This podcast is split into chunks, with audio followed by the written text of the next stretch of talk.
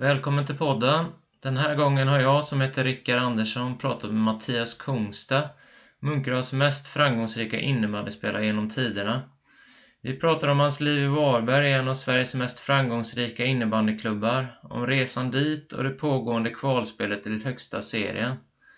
När vi pratar var det tisdag den 15 mars och kvalet som refereras till i podden startade söndag den 20 mars. Varberg förlorade första matchen på övertid och Mattias gjorde ett mål och nu måste Varberg vinna två raka matcher för att inte vara färdigspelare för säsongen. Nästa match är på onsdag och kan följas med ljud och bild på Sportbladet. Onsdagen är alltså den 23 mars. Innan vi drar igång vill jag rikta ett stort tack till Gabrielssons Måleri som sponsrar podden och bidrar till tid för fler produktioner. Har din firma ett budskap ni vill ska nå ut till munkedalingar eller vill ni sponsra och därmed bidra till fler poddar och texter med Munkedalsfokus så hör ni av er till mig via mail eller via Munkisrocks Facebook eller Instagram-sida.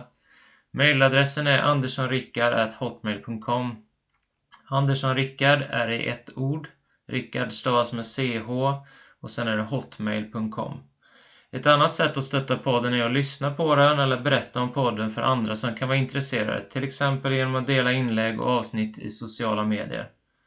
Nu till Mattias. Hoppas ni ska uppskatta att lyssna på vårt snack.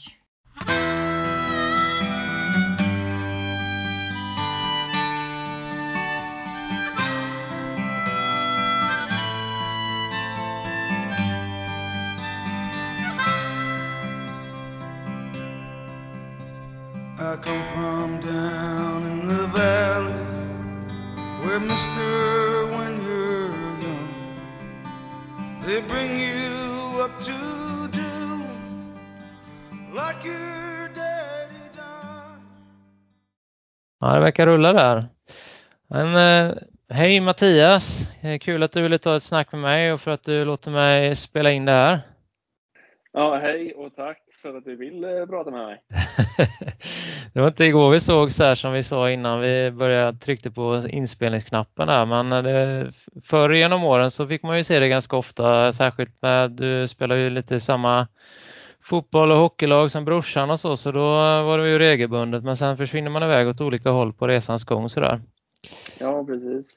Men det ska bli kul att få fördjupa sig lite i din, i din resa här och eh, Tidigare i podden har jag intervjuat tre musiker. Man eh, jag tänkte att det skulle vara dags att bryta det mönstret lite här och, och eh, hitta en, eh, en profil från ett annat skrå istället. Och det passar ju bra att plocka in en av kommunens mest framgångsrika idrottsprofiler då på, ja, genom tiderna tror jag faktiskt. Ja, tack. Det är snälla ord och musiker är jag absolut inte, för det är jag riktigt dålig på. ja, då ska vi inte prata om musik idag då. Då, då håller vi oss till, till sport tänker jag. Ja, det är jag nog Ja. bättre på i alla fall. Ja. Du är född 88 så du, du är snart 34 bast då? Yes, fyller 34 om en, om en vecka faktiskt. Ja. Uppväxt på Torreby och du bor sedan 2014 då i Varberg. Det är på rätt sida om landet men det är en bit från Munkedal. Ja, jag har kommit till västkusten igen i alla fall och det är ju skönt att få havet igen. Det har man saknat eh, de andra städer man har varit i. Ja. Du spelar i en klassisk storklubb då i svensk innebandy. Det är Varberg ligger fyra i maratontabellen med fyra mästerskap. Hade framförallt en storhetstid i mitten på 00-talet där man tog eh, tre SM-guld på fyra år. Ja, De ligger dock efter Lockerud i, eh, i eh, maratontabellen såg jag. De har ju eh, fem titlar. Asså? Ja, Mm. det är mer än vad jag vet. Jag, var, jag har inte fått vara med på storhetstid i någon av klubbarna som jag har spelat i. Så, så det är tråkigt, men det hade jag faktiskt inte koll på. Nej, ja, det var, jag fick kolla upp det faktiskt. För jag visste att Varberg hade en hel del titlar, men de ligger alltså fyra efter Falun, Storvreta och Lockerud. Då, så att, eh, du har fått vara med i två av de eh, största föreningarna kan man säga. De mest Ja, framgångsrika. Mm. Ja. Ja, men nog med historia här. Hur är, hur är livet i Varberg? Eh, Det är väldigt bra. Vi trivs otroligt bra här och eh, som du sa så 2014 valde vi att flytta hit från Karlstad och eh, vi har trivts sedan första stund faktiskt. Ja. Vad är det du gillar med Varberg då? Det är en levande stad får man säga. Det, de, somrarna är fantastiska när det inte blåser som det gör varje dag i och för sig men, Men det, det händer mycket i Varberg och det tycker jag är otroligt roligt och viktigt. Mm. Hur ser ditt liv ut där nere då? Vad, vad är det som tar upp din, mesta av din tid för nu för tiden? Eh, ja, det är ju innebandy och så eh, jobbet är klart. Eh, sen eh, sambo och eh, eh, ett barn. Ja. Det, det är vardagen ser ut så. Hur ser en vanlig dag ut för dig? Ja, det är eh, skjutsa Hugo till eh, förskolan och sen eh, jobb 7-4 och så träning efter eh, jobbet med innebandy. Ja, den vardagliga rutinen. Ja, det är så ekorrhjulet ser ut. Ja. Hur går det att kombinera jobbet med innebandy då? Det, det är ju mycket matcher och på en hög nivå över hela landet. Och... Eh, jo, men det går bra. Alla, de, de flesta håller ju på med det och jobbar och spelar innebandy. Det är inte så många som lever på det i Sverige, tyvärr. Men eh, så länge man har en eh, bra arbetsgivare som kan eh, låta en gå när man behöver det så funkar det. Ja, härligt. Jag tänkte vi skulle backa bandet lite grann och, och liksom förstå din resa till dit du är idag då, som, som innebandyspelare framför allt. Eh, hur var det för dig att växa upp i Munkedal? Eh, det var jättebra. Jag har ingenting att klaga på. Och, uh, ute på Torreby som vi växte upp så var det fantastiskt. Det var ett bra område och många i samma ålder som man spelar sporter och busar med. Så det var, nej, absolut ingenting att klaga på. Och idrotten är ju, det, det är en bra stad att växa upp i för idrotten är ju en stor del i det. Du kommer ju själv från en idrottsfamilj där eh, hela familjen var engagerad framförallt i hockeyklubben som jag minns det. Eh, du spelar själv eh, både fotboll och bordtennis va? Nej, pingis har jag aldrig spelat faktiskt. Ah, okej. Okay. Nej. Nej. Det var fotboll, golf och hockey. Okej. Okay. Ja. Fram tills jag var 16 eller någonting tror jag va? Då började jag spela innebandy. Jag var nog ja. 15 kanske. Ja. Hade du några andra intressen än idrott när du var liten? Nej, det var inte så mycket annat. Det var mest, det var det det kretsade om. Ja. Kring. Hur och när började du då med olika idrotter? Eh, jag skulle tro att hockeyn drog nog igång när jag var 4-5 skulle jag tro. Det var, det var där någon gång. Eh, fotbollen, det vet jag faktiskt inte när, när det drog igång. Golfen var nog också vid 5-6 år, års åldern där. Vi bodde precis vid golfbanan och det var ganska naturligt och mamma och pappa spelade. Och både mina syskon spelade också. Så. Hur såg idrottandet ut i unga år då? Hur den såg ut? Ja, precis. Eh, ja, det var nog mycket lek och skoj, men eh, man har ju alltid varit en vinnarskalle så man var ju otroligt dålig förlorare redan då. Så eh, det var nog på liv och död redan då, skulle jag tro. eh, har du några såna särskilda höjdpunkter som du kommer ihåg från ungdomsåren? Så? Ja, i fotbollen var det ju Oddebollen när vi vann den. Jag vet inte hur gamla vi var. Det var väl var sju man i alla fall, så vi var inte så gamla. Eh, det var ju höjdpunkten i fotbollen. Sen gick vi långt något år med hockeyn i GP-pucken kommer jag ihåg. Vann på straffar. Någon eh, kvartsfinal eller någonting tror jag. Det är nog de två. Golfen har jag nog aldrig lagt ner tillräckligt med tid för att, för att bli bra på. Nej. När var det du slutade med fotbollen och hockeyn sa du? Eh, fotbollen var nog ganska tidigt ändå. Jag skulle nog tro att jag var 13-14 kanske någon gång. Mm. Eh, hockeyn var jag nog eh, 16 precis innan gymnasiet. Eh, då slutade jag det för, eh, på grund av att jag var för dålig och, eh, och för, för lite. Eh, du började med innebandy ganska sent.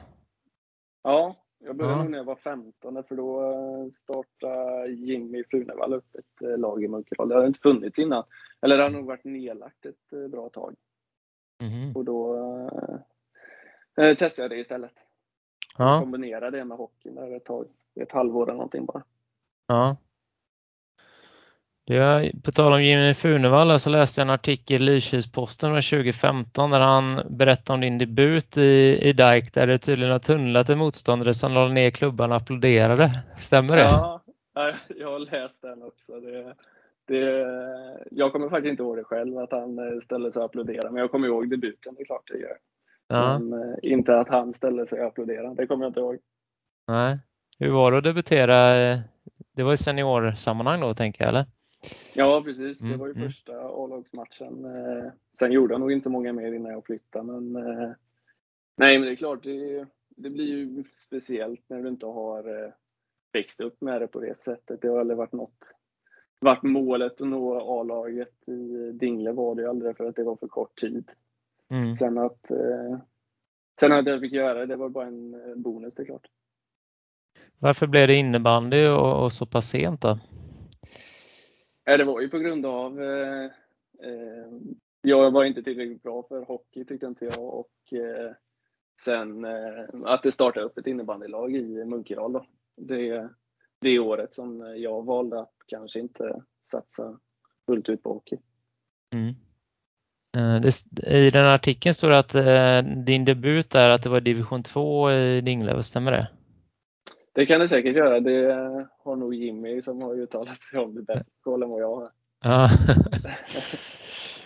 Och sen blir det då efter, eh, efter den här högstadietiden, du börjar med innebandy ganska sent, och så blir det ju innebandygymnasiet då i Mariestad och spel i Lockerud då som jag nämnde här förut. Ja. I, och det var division 3 där då? Ja, precis. Men mm. eh, det var jag och två kompisar som eh, är från Munkedal eh, som eh, inte ville gå i Uddevalla och vi ville hitta på någonting. Och då eh, sökte vi runt eh, till olika gymnasium och så kom alla tre in i Mariestad. Och då valde vi att gå dit tillsammans. Mm.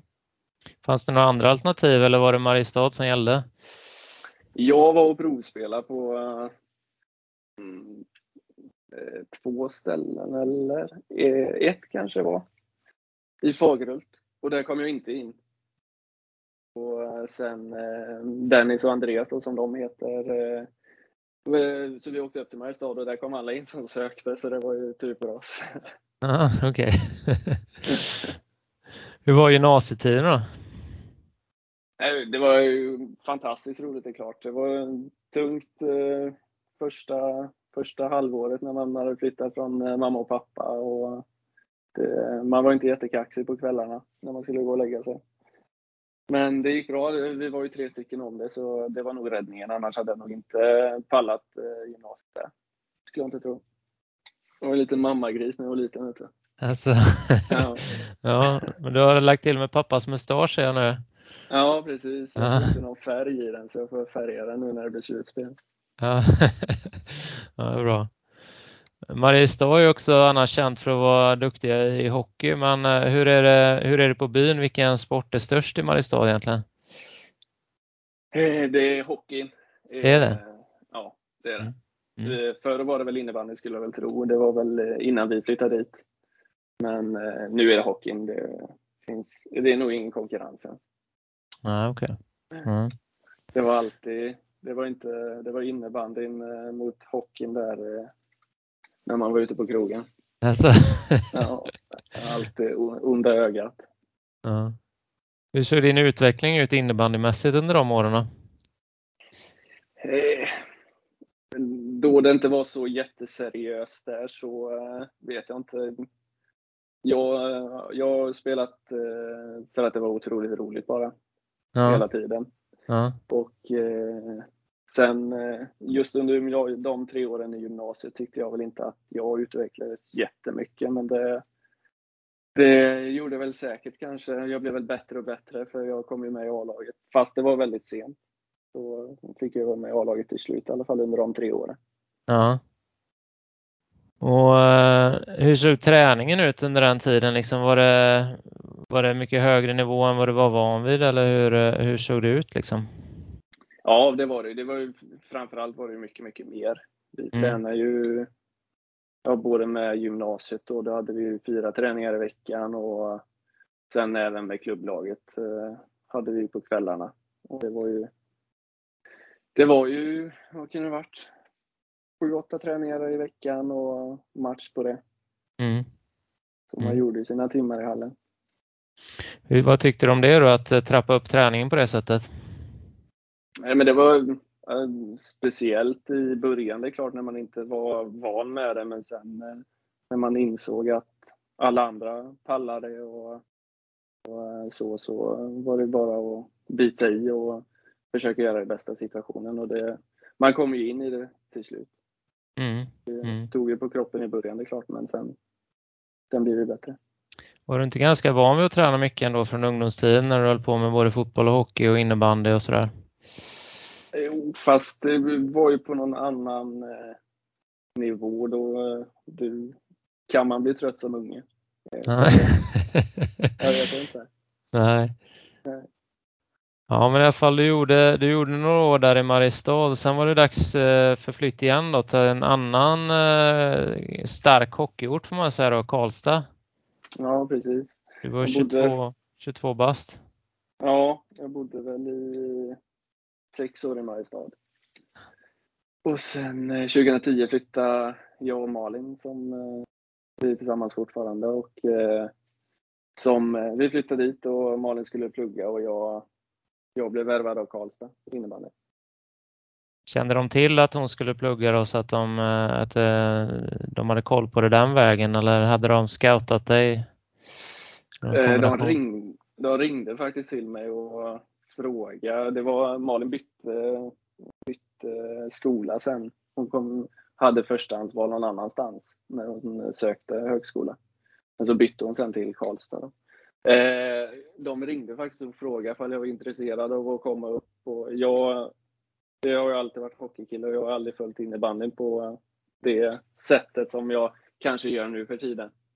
Och eh, jag fick faktiskt eh, be dem ringa upp för att kolla vilken eh, serie de låg i. ja. Så det var, det var på den nivån då. De befann sig ju då i Allsvenskan och du hade spelat tidigare då i Lockerud i division 3 och där hade du snittat mellan 3 och 4 poäng per match där i sista året. Och, eh, var det självklart att göra den flytten till, till Allsvenskan och, och Karlstad?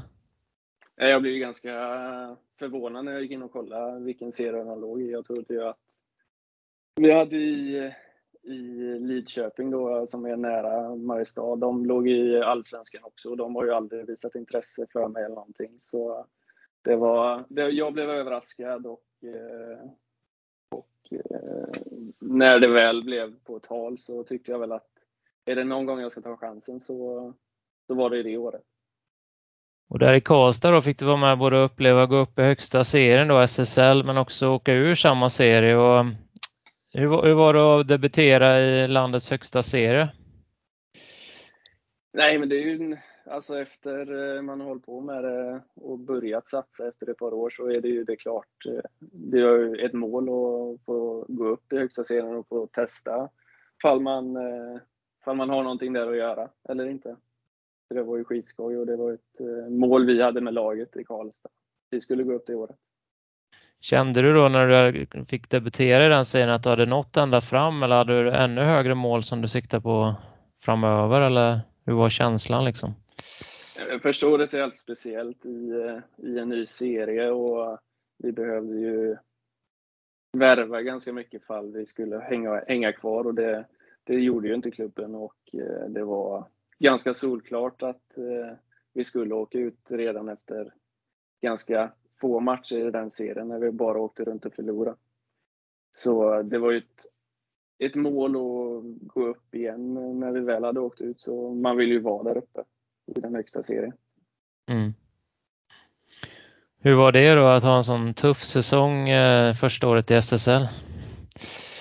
Det är den tråkigaste säsongen jag någonsin har spelat faktiskt. Okej. Nej, men det var speciellt. Det tog på dig eh, på ditt privatliv. Du var sur jämt och ständigt kändes det som. Till slut accepterade du för att vara en förlorare och det. Nej, det riktigt tråkig säsong och eh, svår att sätta ord på vad man jag tror inte jag kommer ihåg en enda match från den säsongen. ens. Kämpigt. Men du, du valde också sen att följa med laget ner i Allsvenskan igen då och gjorde en säsong där du nästan dubblade poängskörden mot föregående säsong i Allsvenskan. Snittade två poäng per match. Eh, fanns det anbud från SSL redan efter första säsongen där i Allsvenskan igen eller? Eh, jag tror inte det. Eh, inte, inte vad jag kommer ihåg att det var. Det var väl det var, det var året vi misslyckades med kvalet sen, eller? Mm, mm. Ja, men det var... Vilket år var det? Eh, ni gjorde två år i Allsvenskan där om jag har noterat rätt här och Ja. det var ju efter första då jag tänkte på. Ja. Eh, nej, jag tror inte att jag hade något anbud då från någon annan klubb faktiskt. Sen året efter igen där, då, då kvalade ni ju uppåt mot Karlstad men, men eh, ni lyckades inte ta steget upp där då, men då blev du istället kontaktad av eh, Varberg. Ja, Eh, som du, som jag nämnde innan då, en av de mer framgångsrika klubbarna på, på eh, innebandysidan. Och hur kändes det att bli kontaktad av dem?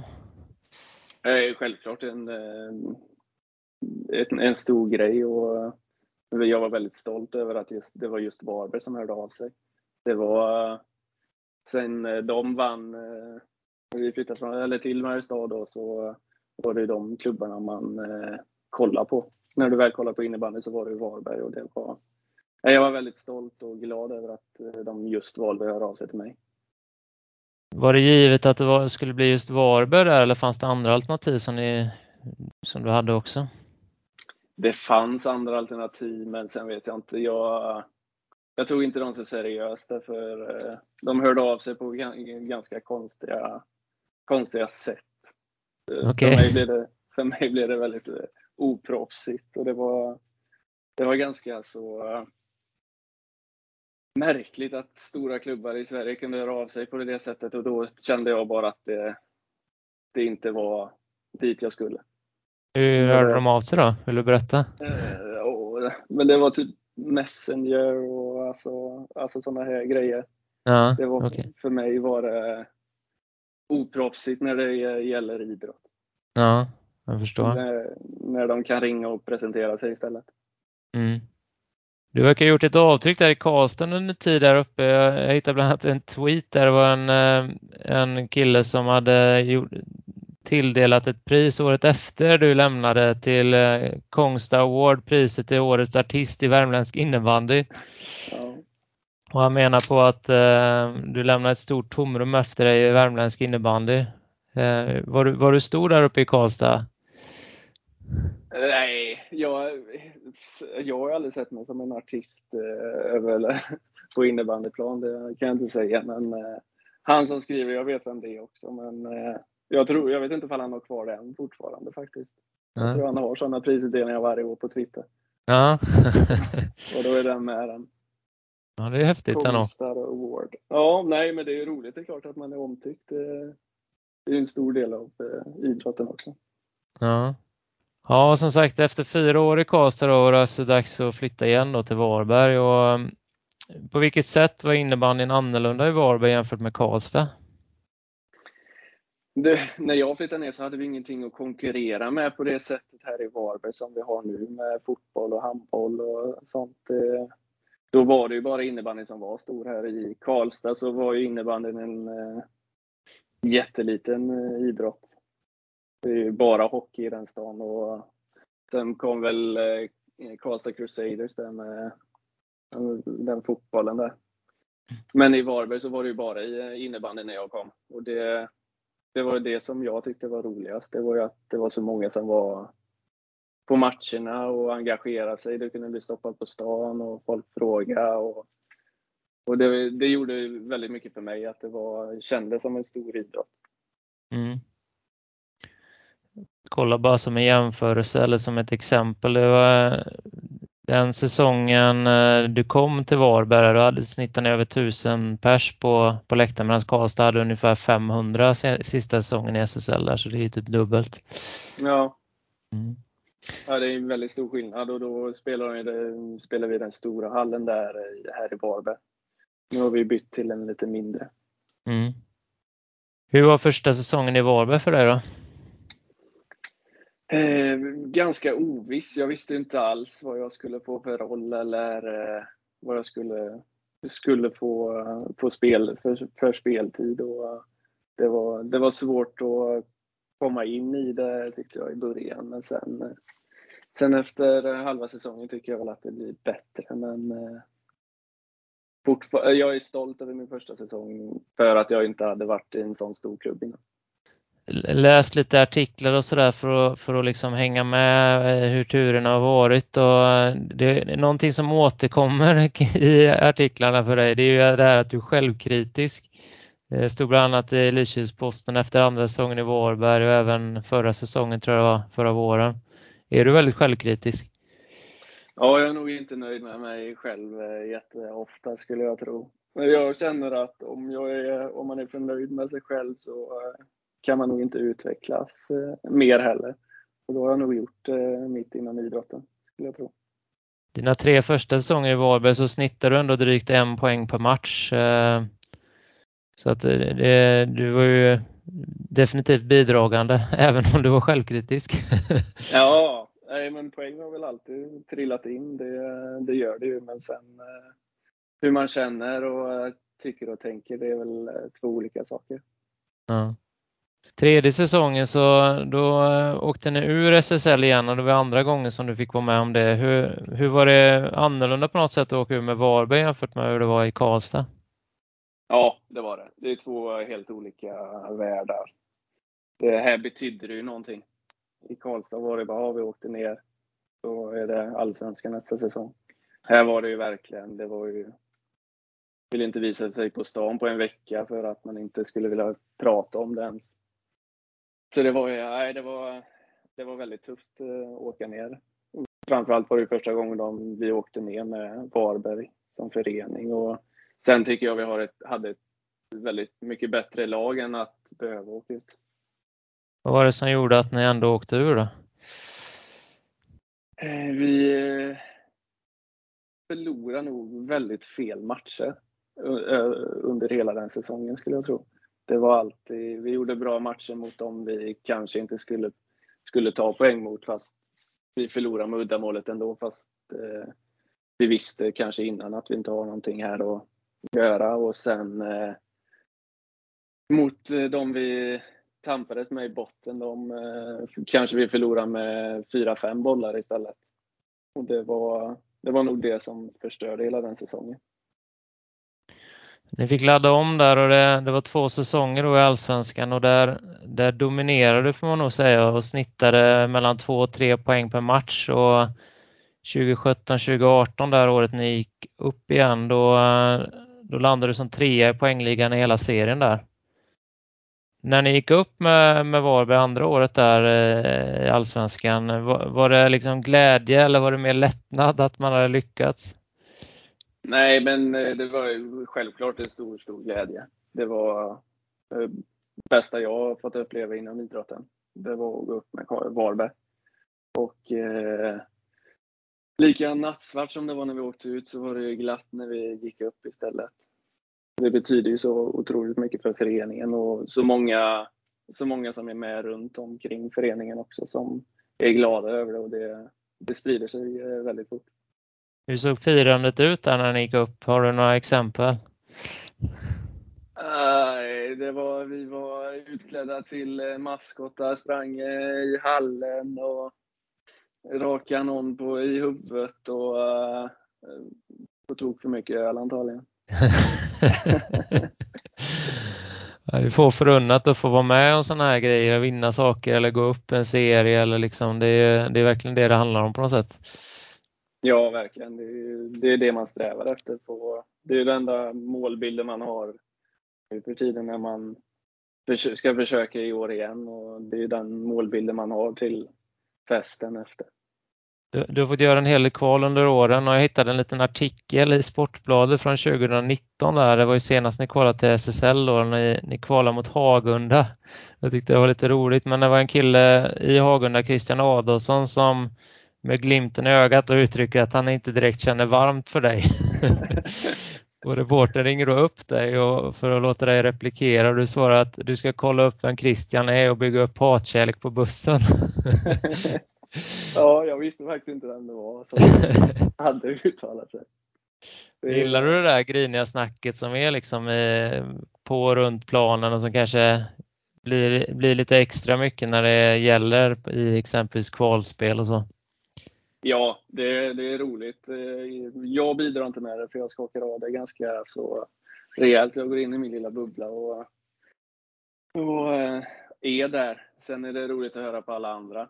Tyvärr så är det inte så mycket sånt där längre. Det var, desto lägre du kommer i divisionen så, så blir det nog mer skulle jag tro.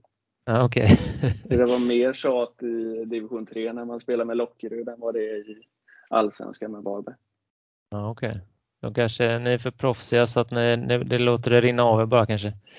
Ja, nej, sen finns det vissa i laget som, som tycker om tjatet och lägger ner energi på det.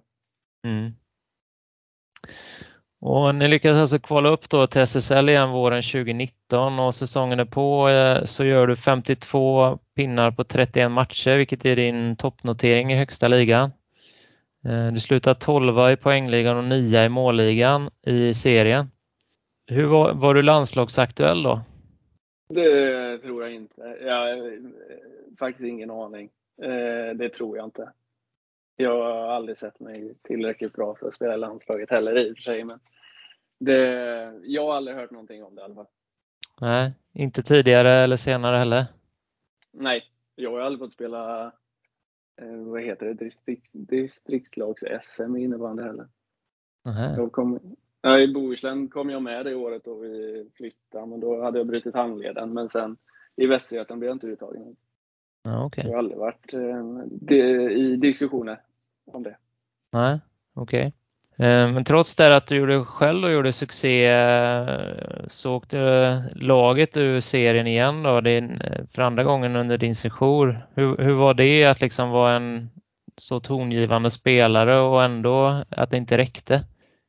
Nej, men det var samma som den gången vi åkte ut innan då med Varberg. Vi, då var det ju eh, vad heter derbygrupper i eh, högsta ligan. Så vi mötte alla runt omkring oss eh, en extra gång. Och så var det ju de som vi tampades med att hålla oss kvar mot. De tog vi noll poäng och de fick ju nio poäng av oss. Så det var ju där vi, vi åkte ut eh, högsta serien. På de nio poängen. Jag tror, jag vet inte, det skilde nog inte jättemånga poäng upp tror jag till slut. Nej. Men eh, det var där, alltså prestera i fel matcher återigen. Ja. Kändes det som det för jag antar att du var ännu mer tongivande andra gången än, än första gången. Var det någon skillnad på det liksom att du kände att men fasen, jag har ju, jag har ju levererat men laget räckte inte eller var det samma känsla? Ja, det är klart det är samma känsla. Det är, det är tungt att åka ut. Men sen, jag hade en helt annan roll i, i det laget som eh, åkte ut andra gången. Då hade vi haft den här... Eh, när vi åkte ut första gången så lämnade ganska många tongivande spelare. Och då valde jag att stanna. Och då fick vi lyfta upp ganska många yngre förmågor och eh, gjorde det bra i Allsvenskan. Sen eh, Sen presterade vi inte tillräckligt bra för att vara kvar i SSL och åka ut och göra kanske min bästa säsong under min karriär hittills. Så, så det är klart det var tungt. Precis det jag tänker att man, att man gör sin, sin bästa säsong kanske för karriären och ändå, ändå så får man inte vara med, eller liksom, ändå räcker det inte för laget då. Så att, eh, eh tufft såklart. Ja.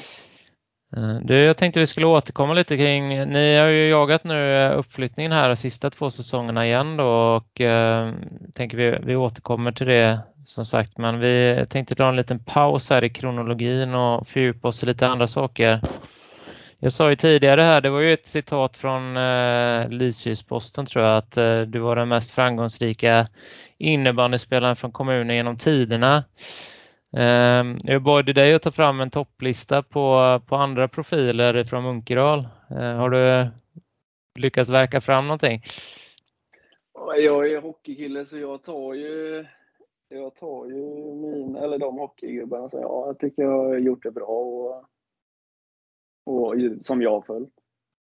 Ska jag ta 1, 2, 3 eller? Ja, det får du bestämma själv. Ja, ja. Du får gärna nämna dem i alla fall. Ja, det, det kanske är bra. Ja. Eh, idag tar jag Kalle Olsson på eh, tredje plats. Ja. Mm, min eh, stora idol när jag var liten var Kalle. Eh, mamma och pappa umgicks, umgicks med deras föräldrar. Jag var tidigt eh, hos Kalle och tyckte han var duktig hockeyspelare och gillade att vara och kolla på när han spelade. Torrby-kille också? Ja, Viktor ja. Inte om du frågar han. Antagligen. Är han från Foss eller vart han är ifrån? Nej, ja, inte okay. Foss. Det är inne i Munkedal. Röd. Röd. Ja. Eh, tvåa tar jag Fredrik Johansson. Gjorde det bra i, eh, i Frölunda, men framförallt i Västerås. Och jag eh, älskar att han stannar kvar i Västerås så länge som han gjorde. Mäktigt med hissad tröja också. Ja, det kanske du har en målbild då. Du har varit länge i Varberg nu. Ja, du, det är nog väldigt många som är före mig i den kön. Det verkar vara omöjligt att få hissad eh, tröja i den här hallen. Det är många som borde ha den, men ingen har den. Och nummer ett har jag Jocke Andersson. Som eh, jag spelar hockey med och eh, som jag har följt eh, hela hans karriär.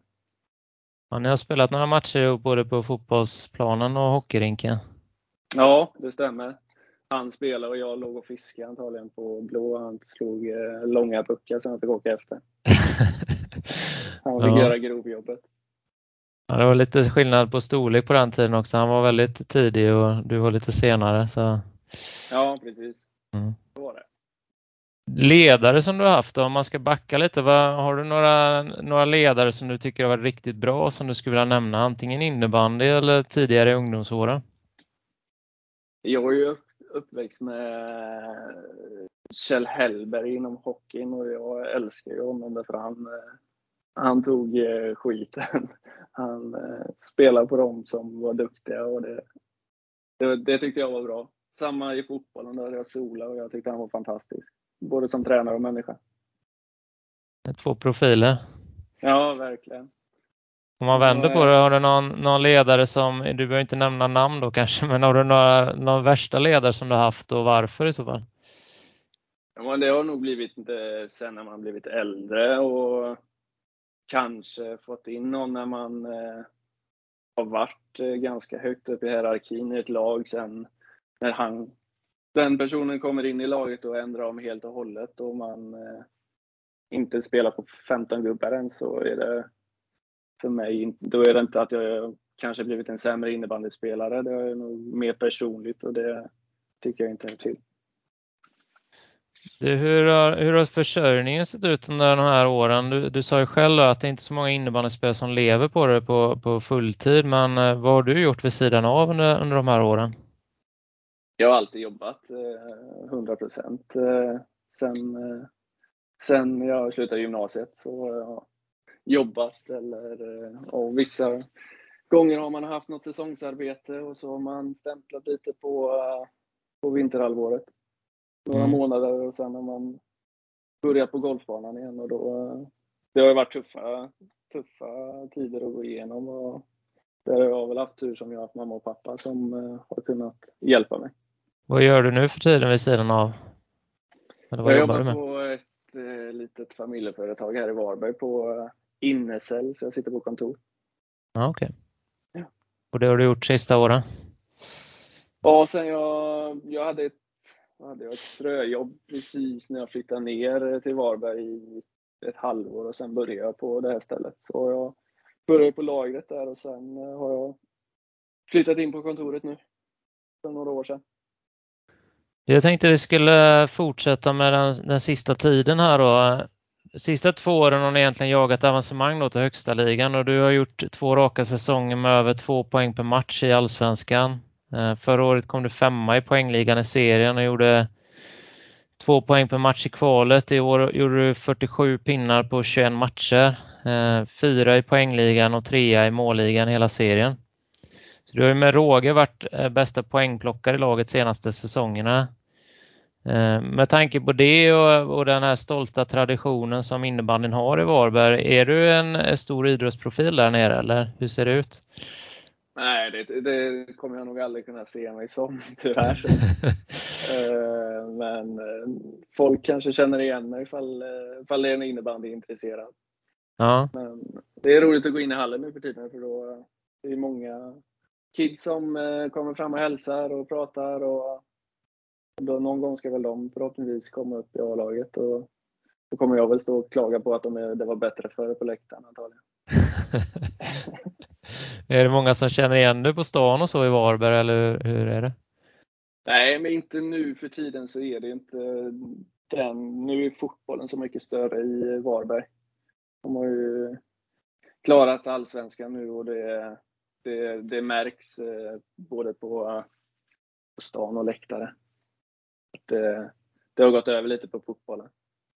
Innebandy var störst där tidigare eller? Ja, innan, eh, innan jag kom så spelade väl Varberg i eh, division 2 och 3 någonting skulle jag väl tro.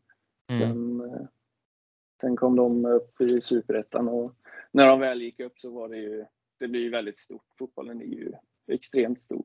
Mm. Det är bara att inse och det är klart det är tråkigt för oss innebandyspelare men det är roligt för staden. Mm. Jag har också läst på innebandymagasinet här att inför premiären förra säsongen så ställde de frågor till fem profiler från serien vilken spelare i serien som var bäst utanför deras eget lag och två av dem svarade Mattias Kungstad då.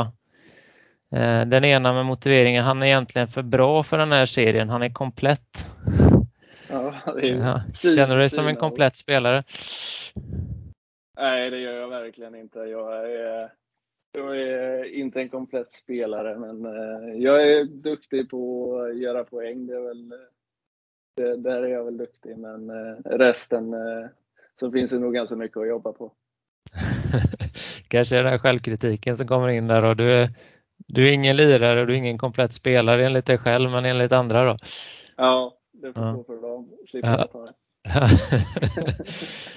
Du skrev på ett nytt eh, tvåårskontrakt här i januari med motivering då att du trivs bra, eller ni trivs bra i staden och du trivs bra i klubben. Och, och du skrev på trots att du inte vet vilken serie ni kommer spela i nästa säsong.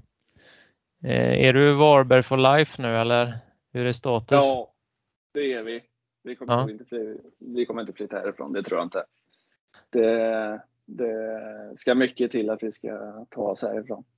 Det, vi trivs alldeles för bra och, och, man har alla bekvämligheter här och det, det, det, det känns jättebra. Och det ni jagar då det är ju SSL-uppflyttningen och eh, kvalspelet ska inledas. Jag har sökt lite information här innan men jag har sett att serien är färdigspelad. Ni är ju klara för kval där och vann serien. Mm. Eh, men som jag förstår flyttas två lag eh, automatiskt ner från SSL och så valar de allsvenska lagen om de här två platserna då, stämmer det? Ja precis, det är ju en eh, allsvenskan södra som vi spelar i mm. och sen är det en allsvenskan norra. Mm. Och så nu när vi vann serien fick vi välja mellan trean och fyran i våran serie. Okej. Okay. Och då valde vi Lillån som kom fyra och eh, där ska vi möta dem eh, i en eh, matchserie i bäst av tre. Och den börjar näst, eller nu på söndag. Ja. Och sen om man vinner den så kommer man vidare till nästa kvalomgång och då möter man det, nu när vi vann serien då som jag sa, så möter vi det sämst rankade laget i norra serien. Ja, okej. Okay. Så då får vi, och där är bäst av fem. Ja, så det kan bli två söderlag eller två norrlag som går upp helt enkelt. Ja, precis. Mm. Förra året var det två norra och året innan dess var det två från södra. Mm. Just det. Hur kan man följa det här då? Är det, sänds det någonting i TV de här kvalspelsmatcherna eller? Sportbladet eh, sänder eh, alla kvalmatcher. Ja. Och det finns på Sportbladet eh, plus tror jag att det blir, eller om man vill köpa enstaka matcher. Mm de är de som har rättigheterna till det. Ja, och det drar igång på söndag då? Precis, 16.00. Mm. Första matchen. Härligt. Vad tror du om det då? Eh, nej, men vi ska gå vidare från första kvalet. Eh, annars tycker jag det är ganska dåligt av oss. Eh, andra, jag, som jag sa innan så är jag ingen innebandynörd så jag har inte kollat på någon eh, match ifrån eh, norra serien eh, i en helhet. Så eh, det är svårt att säga. Eh, de som vann serien i norra är duktiga, det vet jag. För de värvar många från högsta ligan till den här säsongen för att göra en satsning och gå upp. Sen resten har jag dålig koll på. Men eh, går allting för att vinna, det är klart. Hur mycket pratar man om motståndarna i Varberg? Är det så att man liksom scoutar dem mycket eller fokuserar man mer på sitt eget? Eller? Nej, det är klart vi kollar, vi kollar videos. Eh, vi har, vi har videosamtal eh, varje dag den här veckan till exempel inför kvalet nu då. Mm. har vi mött Lillån eh, två gånger redan i år. Och man har ju ganska bra koll på det och de har bra koll på oss. Så vi, vi gör många timmar i videoanalys också. Mm. Om du frågar min sambo så är det på tok för mycket. Okej. Okay. ja, du sa också i en intervju med Hallands Nyheter att du fortfarande tycker det är väldigt kul att träna och spela och vill fortsätta så länge kroppen håller. Hur länge, hur länge tror du att du kan hålla på? Det eh, beror på vem du frågar antagligen. eh, nej, men jag, som jag har sagt eh, där då, så, så länge jag tycker det är roligt att gå till en träning och det tycker jag att det fortfarande är en, gå till en match så kommer jag alltid tycka det är roligt att spela matcher. Men det är just träningen, att du ska orka med det. Sen att kroppen eh, ska hålla, det är ju huvudsaken. Att man ska kunna röra på sig efteråt. En karriär också.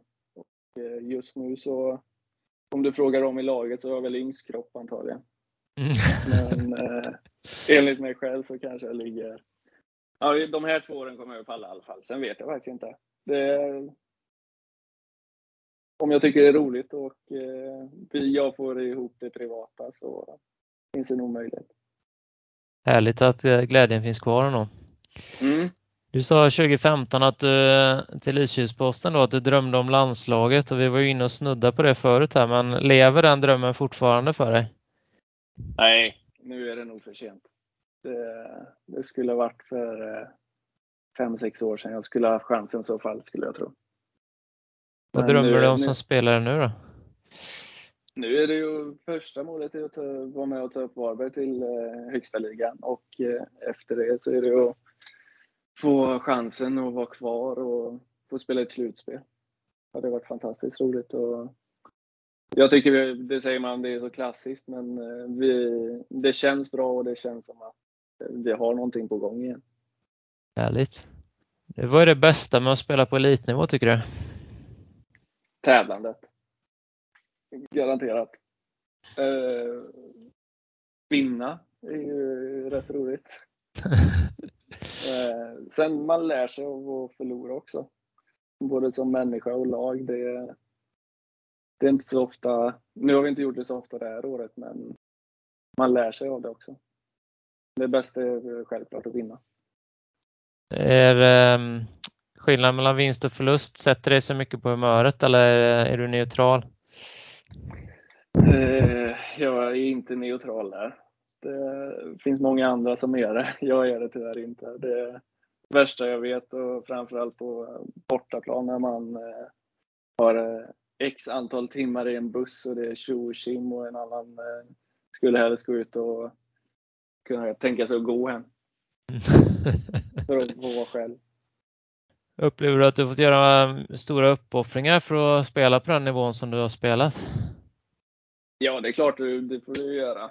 Det är, det är ju eh, många, många timmar som går åt för att satsa och det, du ska vara beredd på att göra det också.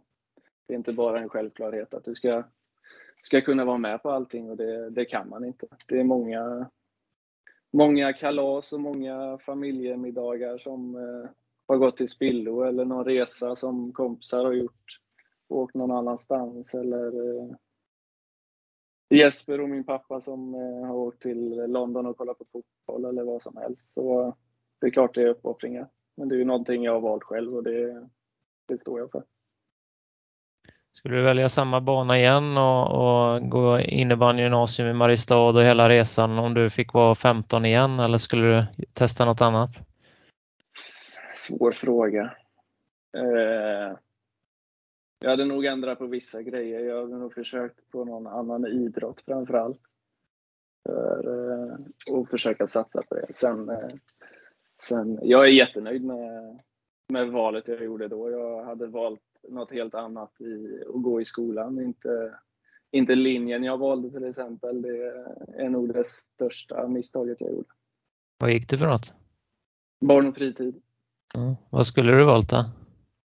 Något som man blev någonting av. Jag visste ju redan när jag var 15 att jag inte kommer plugga vidare till någonting.